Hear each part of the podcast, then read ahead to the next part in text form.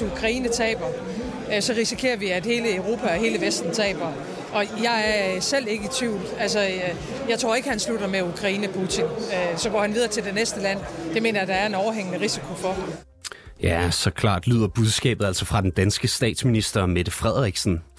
Hun har trykket hånd med verdens ledere under weekendens sikkerhedskonference i München, før hun lufter den her bekymring for pressen. Og den danske statsminister er ikke i tvivl om, hvem der bliver det næste land i Vladimir Putins planer, nemlig Moldova. Det lille land, der er klemt inde mellem Rumænien og Ukraine. Velkommen til konfliktzonen hvor vi i dag skal til netop Moldova.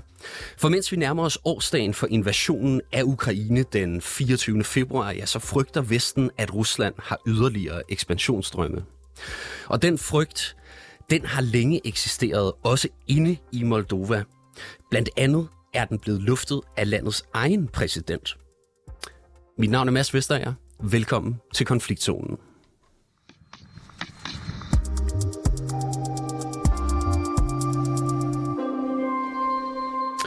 Ja, så skal jeg byde velkommen til dig, Charlotte Nord Petersen. Velkommen til programmet. Ja, hej. Hej. Godmorgen. Godmorgen. Du bor i det nordlige Moldova, hvor du arbejder for den kristne nødhjælpsorganisation Pilgrims International. Og Charlotte Nord Petersen, først og fremmest så vil jeg gerne spørge dig, altså i det daglige i Moldova, føler du så en trussel fra Rusland? Øh, det er jo helt klart, at krigen kan mærkes meget stærkt hernede på vores egen, øh, da vi ligger lige og grænser op til Ukraine. Og øh, for uden at vi har taget imod en enorm flygtningestrøm inden for de sidste år, så kan vi jo også mærke, at presset er der helt politisk i det, at der helt klart er pro-russiske øh, stemmer i vores land. Men øh, sådan helt fysisk mærker vi nok ikke direkte nogen trussel i det. Der er jo ikke nogen krig og nogen tanks, der står og peger deres våben hen mod Moldova. Øh, I det, vi har oplevet, at Odessa stadigvæk er under ukrainsk, øh, ja, på, er ukrainsk, så øh, føler vi os nok, har vi nok følt os trygge. Altså længe at Odessa bliver holdt, øh, så øh, er vi også mere eller mindre øh, fredet.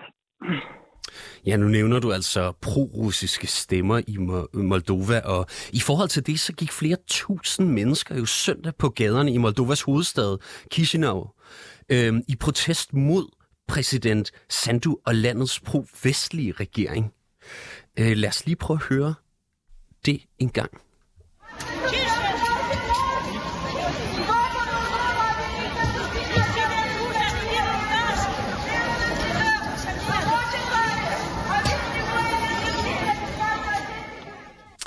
Ja, det her det var altså en demonstration, som blev organiseret af det ruslandsvenlige parti SOR.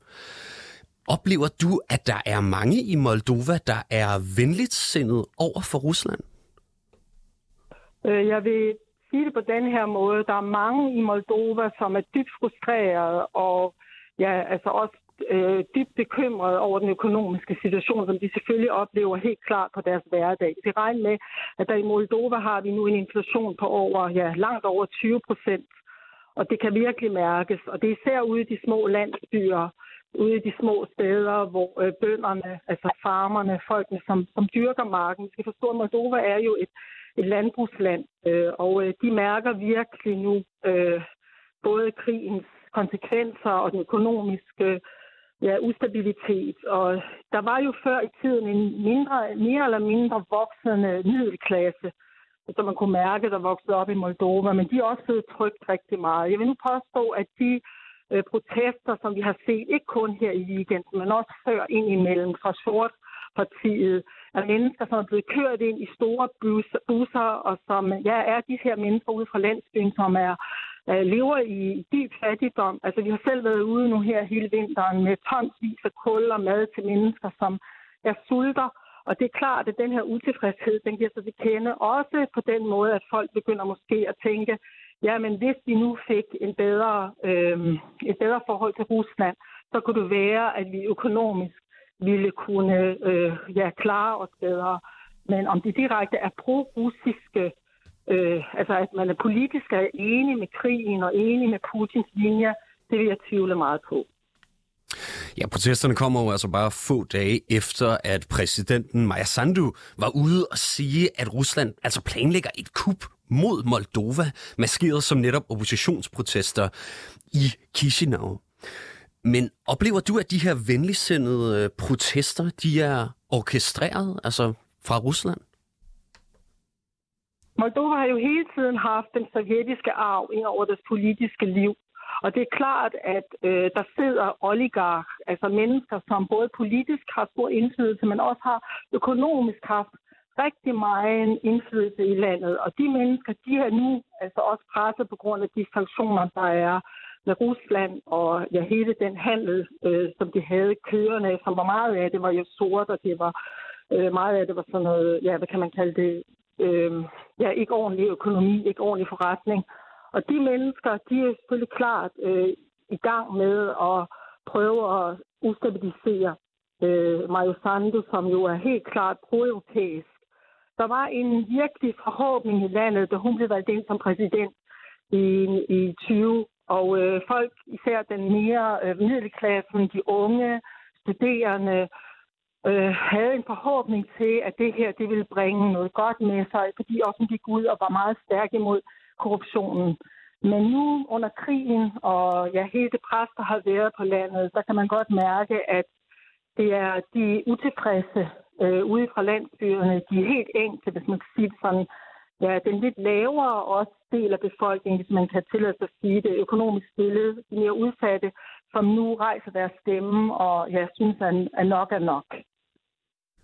Ja, og altså, øh, der er jo masser af demonstranter, der er blevet kørt ind fra landdistrikterne, som du jo også nævnte lige før. Det har der været flere medier, der har været ude og skrive om også. Altså BBC har skrevet om, at det simpelthen er Sortpartiet, der har øh, været ude og dække omkostningerne for mange af de rejser, som øh, demonstrerende de har skulle tage ind til byerne. Og øhm, altså, hvor presset er det egentlig, at folk er i Moldova og ude i de her landdistrikter, som du nævner? Øh, jeg kan, det er helt klart, det er meget presset. Altså, det, som vi har oplevet, øh, når vi rejser ud, vi rejser ud med, med, med akut hjælp. Og også her under krigen, på grund af den flygtningsstrøm, der har været, har Moldova fået rigtig meget nødhjælp. Jeg har lige været sammen med en NGO-gruppe af mennesker, og øh, vi var alle sammen klar over, at vi estimerer, at cirka ja, næsten 50 procent af den hjælp, der kommer til ukrainske flygtninger, faktisk bliver fordelt også til mange moldaver, som er udsatte. Men samtidig så kan man godt sige, at det jo bare er håndrækninger. Det er hjælp i form af lidt vinterhjælp, lidt madhjælp, men den økonomiske ustabilitet, især med inflationen, altså inflationpriserne er steget helt vildt. Og man kan mærke utilfredsheden, når folk hører, at de betaler måske tredobbelt for gas af, hvad Ukraine betaler, hvad er deres nabo Rumænien betaler. Og man kan mærke, at folk de føler sig frustreret over, at de skal bære den her byrde, også på grund af krigen. Samtidig, ja, så er det helt klart, at mange af de her busser, det er betalte protest. Øh, øh, hvad kan man kalde det, strømninger, som er blevet organiseret af sorte partier. Og folk ikke ikke skjul på, at de får penge. Jeg kender selv til folk her i vores nærmiljø, som glædeligt rejser ind og får cirka en dagsløn for at stå derinde og råbe. Øh, imod, øh, ja, imod den utilfredshed, der er. Men om det direkte er, at de ønsker et prorussisk regime hernede, det vil jeg tvivle meget på. Jeg er meget uoplyst nogle gange i form af, hvad der virkelig foregår. Ja, men Sortpartiet, hvad er det så helt præcis for et slags argument, de så bruger til de her demonstrerende? Udover selvfølgelig, at de betaler for deres rejser og så videre ind til, øh, til hovedstaden. Og altså, er der virkelig, Charlotte Nord Petersen, er der virkelig øh, folk, der mener, at de vil få det bedre, eller tror, de vil få det bedre, hvis, de, hvis nu Rusland invaderede landet? Moldova har jo været selvstændig stat i over 30 år nu, men samtidig har det også været det fattigste land i Europa. Og øh, selvom at øh, hvad kan man sige, Kremlin-propagandaen fra Kreml ikke er så magtfuld her, så er der rigtig mange mennesker, som er russisktalende, og de russisktalende ser tit på øh, det, som vi herhjemme kalder Putins fjernsyn, altså ORT, den statsejede russiske kanal.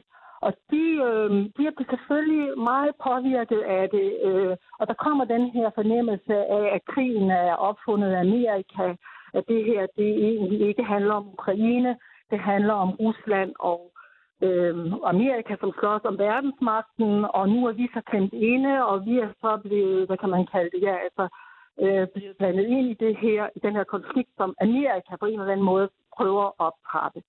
Samtidig så er folk lidt forsigtige, fordi at man oplever jo også øh, strømningen af flygtninge, og man ser jo også med sine egne øjne, folk har jo rejst ind til Ukraine.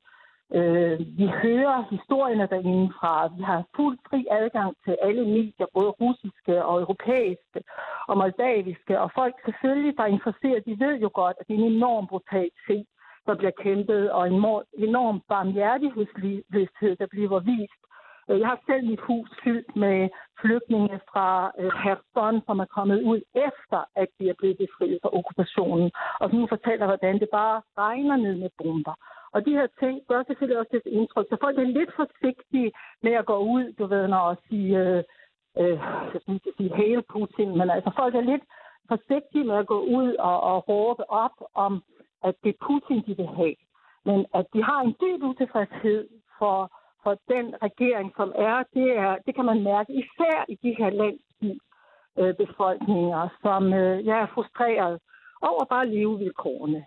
Øh, om de så forstår hele den fulde konsekvens af at blive en del af Rusland eller blive et pro-russisk land, det ved jeg ikke. Øh, det er meget svært. Short har jo i alle de år, de sidste mange år siden, han jo også blev anklaget for at have, hvad hedder det, money laundered, altså hvidvasket rigtig, jeg tror det er over en milliard, øh, som er et kæmpe stort beløb, altså euro snakker vi om. Øh, så har han skulle flygte ud af landet, men hans parti har jo stadigvæk har stor indflydelse, og i alle byer, i alle landsbyer, i alle kroge, der ser jeg de her sort sociale forretninger, hedder det, hvor pensionister og udsatte familier kan komme og få mad og, og handelsvarer for meget øh, for, det, for det lagtige priser. Så det er klart, at han har en vis indflydelse især i den her del af befolkningen. Charlotte Nord Petersen, mange tak, fordi du var med os her i dag, altså fra det nordlige Moldova. Ja, i lige måde. Ha' en god dag. Ha' en god dag, og der bor du og arbejder for den kristne nødhjælpsorganisation Pilgrims International.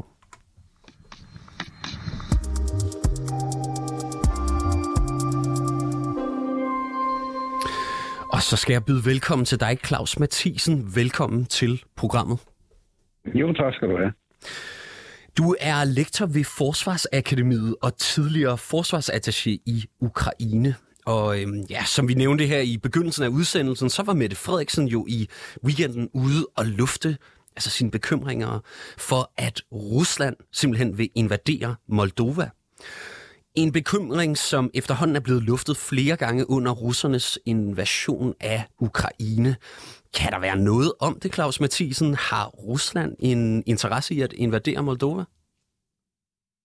Øh, både ja og nej. Øh, jeg vil starte med at sige, at som tingene står nu militært i Ukraine, så ser på mig at se i hvert fald ikke risikoen sådan særlig overhængende ud, fordi det var meget mere overhængende i krigens første måneder, da de russiske styrker jo faktisk for alvor rykkede frem og truede Odessa, og dermed kunne det give mening også at få styrker ind på Transnistrien og på en eller anden måde overtage den militære kontrol med Transnistrien og måske hele Moldova. Men øh, øh, sådan helt overordnet set, så er det da rigtigt nok, at Moldova øh, på grund af beliggenheden op af Rumænien øh, på sigt godt kunne være interessant for Rusland at få kontrol over. Men jeg tror, det kræver, at Rusland først får kontrol over Ukraine. Altså, hvordan ville russerne i så fald gøre det, tror du, sådan helt praktisk? Altså, det ligger jo ja. helt over på den anden side af, af Sortehavet. Det er jo netop det, der er faktisk temmelig langt fra øh, de russiske grænser til Moldova. Og det er derfor, jeg siger, at for mig at se forudsætter det lidt kontrol over Ukraine først. Jeg kunne godt lave en lille sammenligning med Armenien i Sydkaukasus, som også er vigtig for Rusland på grund af naboskabet til Tyrkiet, som er NATO-land. Øh, men der er der så Georgien indimellem, og Georgien er jo meget, meget, meget mindre end Ukraine er. Og hvis vi taler om de russiske styrker, der allerede står i Transnistrien har har stået der siden 92, hvor man lavede en fredsbevarende styrke, øh, jamen så er det godt 1000 mand, og de godt 1000 mand har sådan set ikke lavet ret meget andet end at køre på patruljer og gå fodpatruljer i 30 år. Så jeg anser dem ikke for nogen særlig effektiv, hverken kubstyrke eller for den sags skyld militærstyrke. Hvordan vil Rusland så overhovedet kunne retfærdiggøre pludseligt at gå ind i Moldova på sådan en måde? Mm, ja, øh, altså det skulle jo være med henvisning til, at der er det er jo til synligheden pro-russiske øh, politiske kræfter i øh, Moldova. Det kan vi se på de demonstrationer, der har fundet sted. Det er virkelig svært at vurdere, hvor store de er, og hvor meget af det, der er betalt. For det er jo en praksis, vi også har set tidligere i Ukraine. Alle parter bruger nemlig det her med at betale dårligt stillet, og dem var der delt med mange af i Moldova, for ligesom at gå med i en demonstration for det ene eller det andet. Men der er nogle kræfter, og dem kan man jo blandt andet spille på i forhold til i hvert fald som minimum, og det er det, jeg tror, det handler om lige nu, at skabe ustabilitet, at skabe uro og skabe utryghed om, hvad sker der i det her lille land, som i forvejen er meget fattigt. Og nu nævnte du jo Transnistrien her før. Altså, der har jo også været tale om, at russerne de måske kun ville gå ind i Transnistrien. Altså det her 4.000 kvadratmeter store område, der er Rusland, bliver, bliver betragtet som en helt selvstændig republik. Altså, hvad, ja, er, Transnistri, hvad, hvad er Transnistriens rolle her, og virker det mere oplagt? Ja, nu ser du 4.000 kvadratmeter. Jeg synes lige, vi retter det til 4.000 kvadratkilometer, men pyt, det er et meget lille område. Og øhm, øh, det er faktisk sådan, at det er en, en, det er en selvudråbt republik, som blev til der i årene 90-92, hvor der var stor intern uro i øh, øh, Moldova. Der var faktisk en slags borgerkrig, temmelig blodet endda. Øh, men det er lidt bemærkelsesværdigt, at Transnistrien er faktisk aldrig nogensinde blevet anerkendt af nogen som helst heller ikke af Rusland. De eneste, der har anerkendt Transnistrien, er enkelte andre også selvudråbte og ikke anerkendte republikker, for eksempel Abkhazien og Sydossetien og Karabakh øh, i Sydkaukasus. Mm. Hvad tror du, reaktionen vil være fra Vesten, hvis Rusland nu gik ind i Moldova? Altså, Moldova er jo ikke et NATO-land, så vil, hvordan vil reaktionen være, tror du? Ja, jeg tror ikke, at jeg tror ikke, at Vesten vil forestille sig at på nogen måde gribe øh, militært ind. Øhm, jeg tror, at Vesten følger udviklingen i Moldova rigtig nøje og holder øje med de her tilløb, der kunne være til en eller anden form for øh, skal vi sige, u, øh, uautoriseret overtagelse af magten. Øh, lige for øjeblikket er der jo en, øh, en, en præsident, en kvindelig præsident, som øh, er orienteret mod Vesten, og det piner selvfølgelig Rusland lidt, sådan at forstå, at øh, der kunne jo være tale om dels et, øh, ligesom på Ukraines udkommende, et EU-medlemskab, måske på sigt et NATO-medlemskab. Øh, men det, der måske allermest provokerer Rusland lige nu, er, at den øh, øh, den nuværende premierminister er begyndt at tale om, at nu skal man se at få smidt de her resterende russiske styrker ud af Transnistrien. Og det øh, reagerer russerne selvfølgelig på, det skal de gøre, øh, fordi øh, russerne er ikke til sinds at opgive nogen af deres brohoveder rundt omkring, men det er et brohoved, der ligger meget langt væk fra Kreml, det må man sige. Altså, hvad vil russerne overhovedet kunne bruge det område til, altså Moldova og, og, og Transnistrien sammen? Kunne man forestille sig, at de kunne bruge det til for eksempel at angribe Odessa i Ukraine? Det ville godt kunne have en vis betydning i forhold til, øh, hvis, hvis russerne ligesom fik mere held med operationerne i Sydukraine, der jo gik øh, i stå og i øvrigt fik et alvorligt tilbageslag, da man måtte rykke øh, sig ud af øh, områderne nord for i forfloden, altså i Kherson-regionen. Fordi på et tidspunkt var russerne jo helt vej på frem imod Mykolaiv, som ikke ligger mere end, som jeg husker, det er cirka 100 km fra Odessa.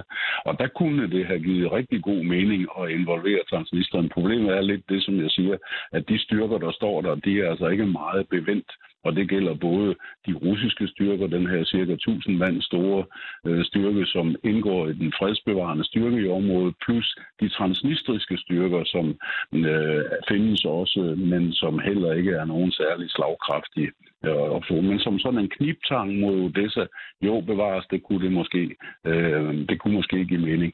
Jeg tror, at noget af det, der også provokerer russerne for øjeblikket, er, at man bruger faktisk øh, den landforbindelse, der er syd for Moldova og Transnistrien øh, fra Rumænien til Ukraine til at transportere materiel og meget andet. Russerne har et par gange angrebet den bro, som fører over det smalle udløb, der er af floden. Og, og, og det er selvfølgelig provokerende, men øh, jeg tror ikke, at Rusland kan bruge Transnistrien i den nuværende situation til andet end at skabe ustabilitet. Kan trusler fra Vesten så afskrække Putin fra at øh, gå ind her i Moldova? Ja, bra, ja, det ved man jo ikke. Øh, men i hvert fald tror jeg, at det ligesom for Ukraines vedkommende øh, var øh, den nye amerikanske strategi at øh, sige til russerne, nu skal I høre, vi ved, hvad I har gang i, vi ved, hvad I vil gøre lige om lidt, for på den måde at få russerne til at lade være med det. Og den tilsvarende tilgang til informationsniveauet kunne man godt forestille sig om Moldova, altså hvis det trækker op til et eller andet russisk i Transnistrien kub eller noget militært, eller noget militært understøttet kub, jamen så kunne amerikanerne begynde at tale om, at det har vi faktisk kigget ud, vi ved, hvad der foregår, for på den måde at komme det i forkøbet. Og så har man sikkert nogle muligheder i Moldova for at øh, prøve at gribe ind i tide, så det ikke kommer så vidt. Og her til sidst, Claus Mathisen, tror du, vi kommer til at se en reaktion i Moldova her op til øh, etårsdagen for invasionen af Ukraine? Ja, der så vil givetvis være en række øh, demonstrationer, ligesom andre steder, og øh, jeg tror, at for Moldovas vedkommende, øh, så vil størsteparten af demonstrationerne faktisk udtrykke støtte til Ukraine. Men der er, der er også grupperinger, der er de her berømte gagauser og de kristne tyrkere, som bor i en lille region i Moldova, og som traditionelt er meget stærkt orienteret mod Rusland. I virkeligheden øh, har man en fornemmelse af, at det, de egentlig gerne vil, det er, at de vil gerne have Sovjetunionen tilbage. De er lidt sovjetnostalgiske, og de vil måske lave nogle demonstrationer og andet, øh, som støtter Ruslands indgriben i Ukraine. Så det, der, der vil være nogle manifestationer, men jeg tror ikke på, at vi står over for noget, der ligner et egentligt kup, som tingene ser ud nu, men det er ustabilt. Claus Mathisen, tak for den vurdering, og tak for din medvirken her i dag. Ja, selv tak. Som sagt altså lektor ved Forsvarsakademiet og tidligere forsvarsattaché i Ukraine.